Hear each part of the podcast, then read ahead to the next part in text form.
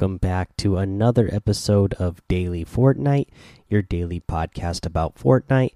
I'm your host, Mikey, aka Mike Daddy, aka Magnificent Mikey. All right, we got a little bit of news first. So, we're going to cover the version 10.20 patch notes for creative, but first, we're going to do a little bit of news updates that we have for the game and the item shop. So, first up, let's do this news update another turbo build delay update. All right, this is by the Fortnite team. This came out today. This is after yesterday's nerf to turbo building and their explanation for nerfing turbo building. There is another update that came out today. They say, hey, all, the turbo build delay adjustments we made yesterday to subsequent structure pieces placed have been changed back to their previous value of 0.0 0.005 seconds. Uh, it's supposed to be point zero point zero zero five, I think. Point zero or zero point zero five is what should be. So I think they made a typo there. Uh, your ability to perform 90s and waterfall should feel exactly the same as it did before yesterday's changes. We've also added some of the next steps that were mentioned in yesterday's turbo build changes blog. Now, when a structure is destroyed, there will be a delay of 0.15 seconds before another structure can be placed in the same location. If two or more players attempt to build a structure in the same location at the same time, right after a piece has been destroyed, a random roll will now determine which player's structure is placed. With this, we aim to reduce the impact that ping has on taking a wall, as well as mitigate situations where spamming walls in the same location prevents all incoming damage to the defender. And then, so that here we go again. What changed? So, turbo building timing for placing subsequent pieces changed back to point 0.005 seconds from 0.015 seconds. After a structure is destroyed, there will be a timer of 0.15 seconds before another piece can be placed in the same location. If the two players are attempting to place a piece at the same time and location where a piece was just destroyed, a random roll will determine those pieces determine whose piece is placed instead of ping playing such a large role. Drop in now to try these changes. And this is actually really huge. One, the first thing that's really huge is the fact that we get turbo build back. Uh, so when you go back to do your 90s and your waterfalls and any other types of buildings uh, that you were doing that more advanced building, those are going to go back to feeling like the way they have for the past, you know, six seasons now. Uh, so that is really good. Uh, just because that one day uh, that we had of that change, it did feel pretty bad. You could, you like I said, I spent, uh, I think I mentioned this in Discord. I spent about 15 minutes in creative uh, after recording one of the episodes, and or I guess yesterday's episode, and I could tell, I could feel the difference. I was like, oh, okay, these pieces aren't always connecting when I'm spinning uh, fast to either build a one by one around me, or they're not always connecting if I spin too fast to do a 90. And I'm not even that great at doing 90s. So, uh, you know, I think if they were trying to help out players who are less mechanically skilled than the pros, I don't think the original delay actually helped. I think it actually hurt some of the players like us because the fact that the player would lay down faster for you meant that you didn't have to have as the the exact placement of where your character is and the wall placing and the floor placing so that you didn't end up messing up your build uh, was a lot easier to handle with the fast with the faster turbo build. When they slowed it down it made it a little bit easier to uh, run out of position because you're used to holding that building piece down to spam the build to turbo build uh, but sometimes it wouldn't catch right away so then you'd end up underneath a piece or you know if you spun too fast the piece wouldn't just it wouldn't place uh, when you expected it to so you might be out of position again and mess up your build and block yourself off. Anyways i could notice i could notice the difference. Uh, so i'm glad they fixed that. But the other big thing here this is a huge thing. This is actually really good uh, overall for the game in general, and especially for competitive, in my opinion, the fact that they are now making it a a, a roll of the dice or a coin flip. Whoever takes the who takes that wall. Instead of it automatically going to the person who controls the wall and especially if that person has lower ping then they're able to just hold that wall. Or if the player who is taking the wall has lower ping or a lot lower ping than the other player that they're able to take the wall no problem. Now it'll be a lot more you know a 50-50 chance of who gets to place that wall down and i think that's actually really good for the game uh, it will no longer allow uh, ping to matter as much as it has in the past, but also it will make it so that you know if somebody who is turbo building inside the one by one, they can't just do that nonstop and have no consequences. And the you know the person who's taking the wall actually has a chance to take the wall and it's worth it. They're not just wasting ammo. They're not just leaving themselves vulnerable by trying to knock down the wall. So just overall, good change. I'm really glad to see that. Uh, yeah, so that's that change. Overall, really good. Let's go ahead now. Let's talk about the item shop today. So, the item shop we have the Nitebeam outfit, the Splintered Light Harvesting Tool, and the Essence Wrap. We have the Flare outfit, the Vivid Axe Harvesting Tool, the the core wrap and the mega bat glider. I still absolutely love this glider. Uh, the lace outfit which is one of my favorites. Uh, we have the paradox outfit the vision harvesting tool the equilibrium glider and we still have the psycho bundle outfit i mean the psycho the psycho bundle which has the psycho bandit outfit the claptrap pet and the psycho buzz axes harvesting tool uh, you know, I, really love this bundle, and I feel like it's a good deal, especially at just two thousand e bucks for all that really cool looking stuff. I just wish that you were able to gift this. You know, you can only directly purchase it. It doesn't give you the option to to gift this one, uh, so that's the only kind of a bummer there. Uh, let's see here. Let's go over the rest, which is the suntan specialist outfit, the tidal wave wrap, the fork knife harvesting tool, the scorpion outfit, the infinite dab emote, and the new llama conga. Trot on. And so it's like you're trotting on a on a llama, like you'd be riding an invisible horse or llama in this case, and then your character comes up and uh, puts a lot of uh, a couple of uh, rock and roll signs, two sweet signs up in the air. Yeah, actually, I I like the music for this. I don't know what it has to do with conga or anything, but I, I, mean, I love the rock and roll that they got going on with this one. Uh, guys, that's the item shop. If you guys are going to get any of the items in the item shop today, I'd really appreciate it if you use that creator code Mike Daddy M M M I K E D A D D Y in the item shop, as it does help support the show. Okay, let's take our break here. We'll come back. We will go over those creative patch notes. Alrighty, let's get to it. Version 10.20 patch notes for creative. What's new? Pandora building set. Pandora building set. Recreate your favorite Pandora setting. Fortnite will be featuring a Pandora themed block in the near future, so make sure to submit and share your creations. Part of the Fortnite X Mayhem collab. So that's cool. So we know that uh, they are going to feature a Pandora themed block in their future. So start making those. They said, uh, you know, submit and share them because they're going to do that in the near future, probably within the next week or two, because we know that the Pandora area is only going to be up until September 10th. Uh, they also have the Arid Island, a desert themed canyon with high peaks and jagged rocks inspired by the Pandora Desert area on the Battle Royale map. Now, I really like this this uh, this island. It does have.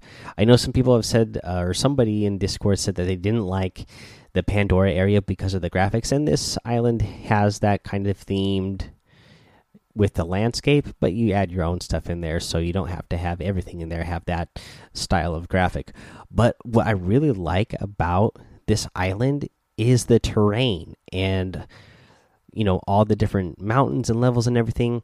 Uh, you know, you know, uh, a few days ago or however long ago it was now, I played um, the Enigmas mini battle royale map uh, with you guys, and that was so much fun. And I'm just looking at this island, and this island looks like it would be perfect for somebody to make a really good mini battle royale map on this island as well.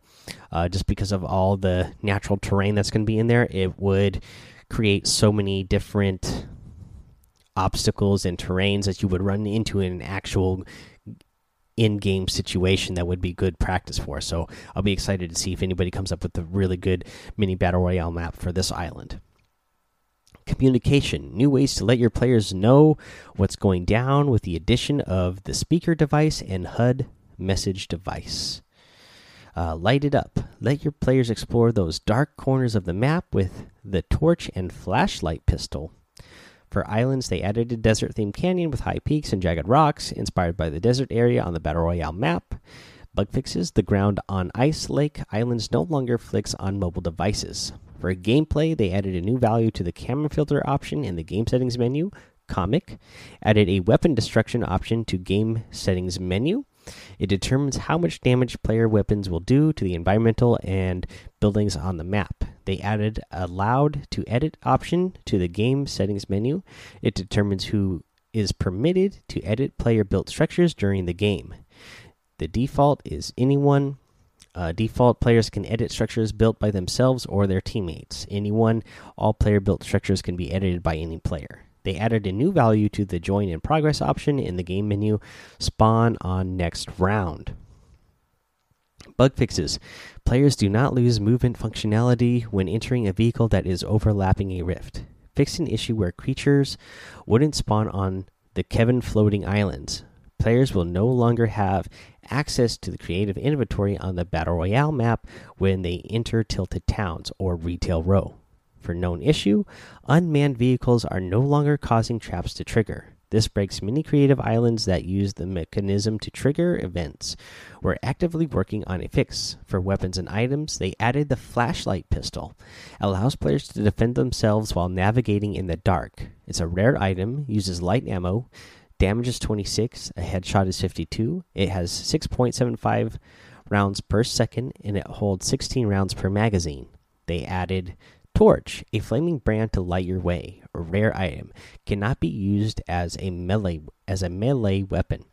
I really like that they've added some weapons here to creative itself and it's not in in the other game modes. That's why I love creative and I really think creative is going to be the future of Fortnite and what keeps Fortnite alive for years and years to come because of things like this. If they keep adding things like this, I mean there's so many creative people out there more creative than me when it comes to actual actually making levels in the game. You know, people who you know are good at designing you know at uh, game design uh, level or level design, and you know to see them putting items like this that anybody can use and make their own levels and design their own levels and and game modes this will be a lot of fun to play around with and see what people come up with and play these fun game modes that are eventually going to come out because of this.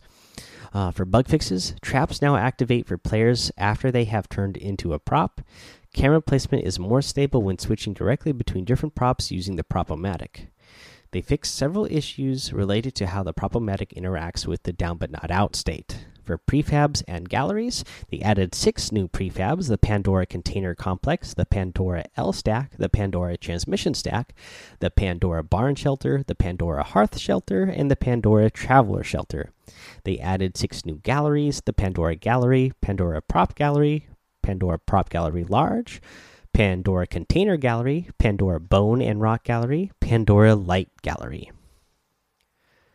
For bug fixes, the cliff gallery floors won't automatically destroy past after pasting after pasting them.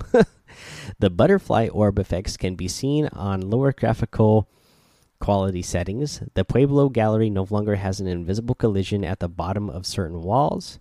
The Great Pyramid prefab no longer has a black floor on mobile.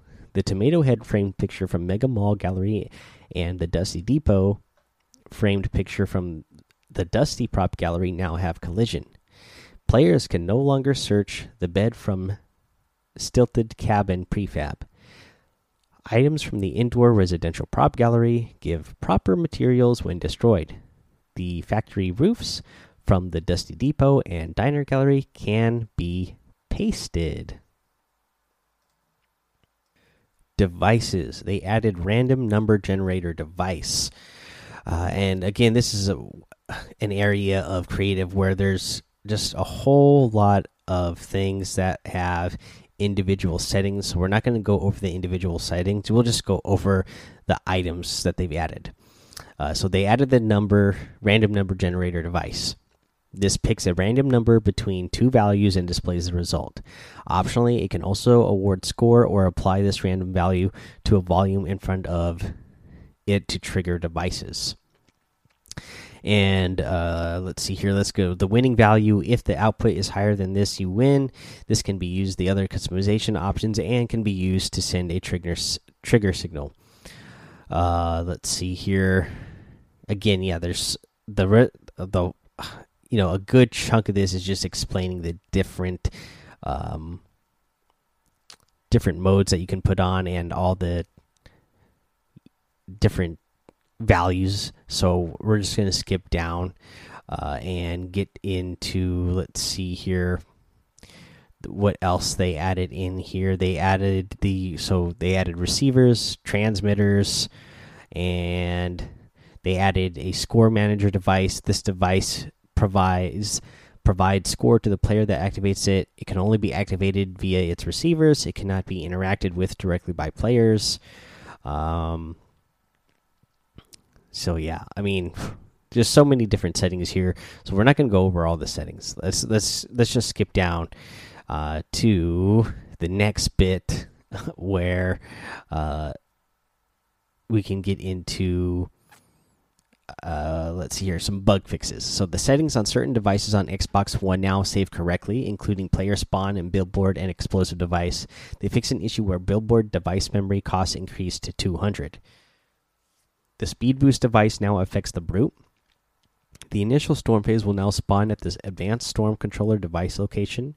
Fix an issue where the storm controller generates storm when receiving from options would reset existing storms. Ambient sound effects from the advanced storm beacon device are no longer audible during games. Players will not be able to use weapons after respawning inside an active weapon free zone.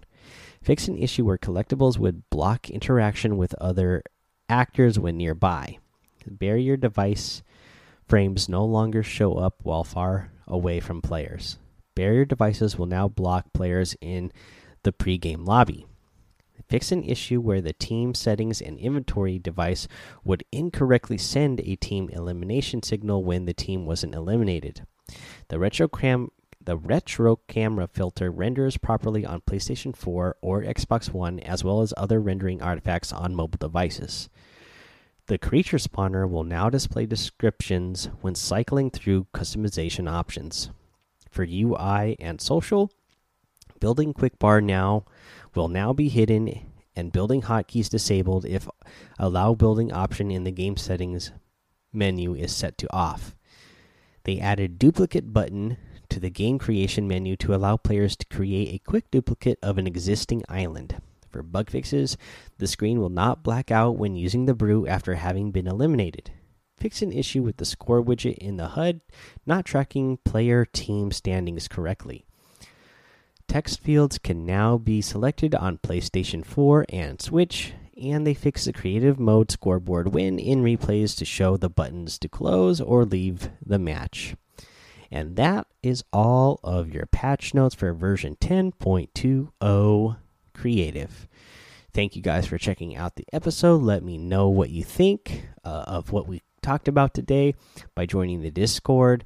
Uh, you know, let me know what you think about the turbo build uh, coming back and the other additional change that they made to the 50 50 uh, roll of the dice for um, for wall replacements and uh, let me know what you think of the creative uh, patch.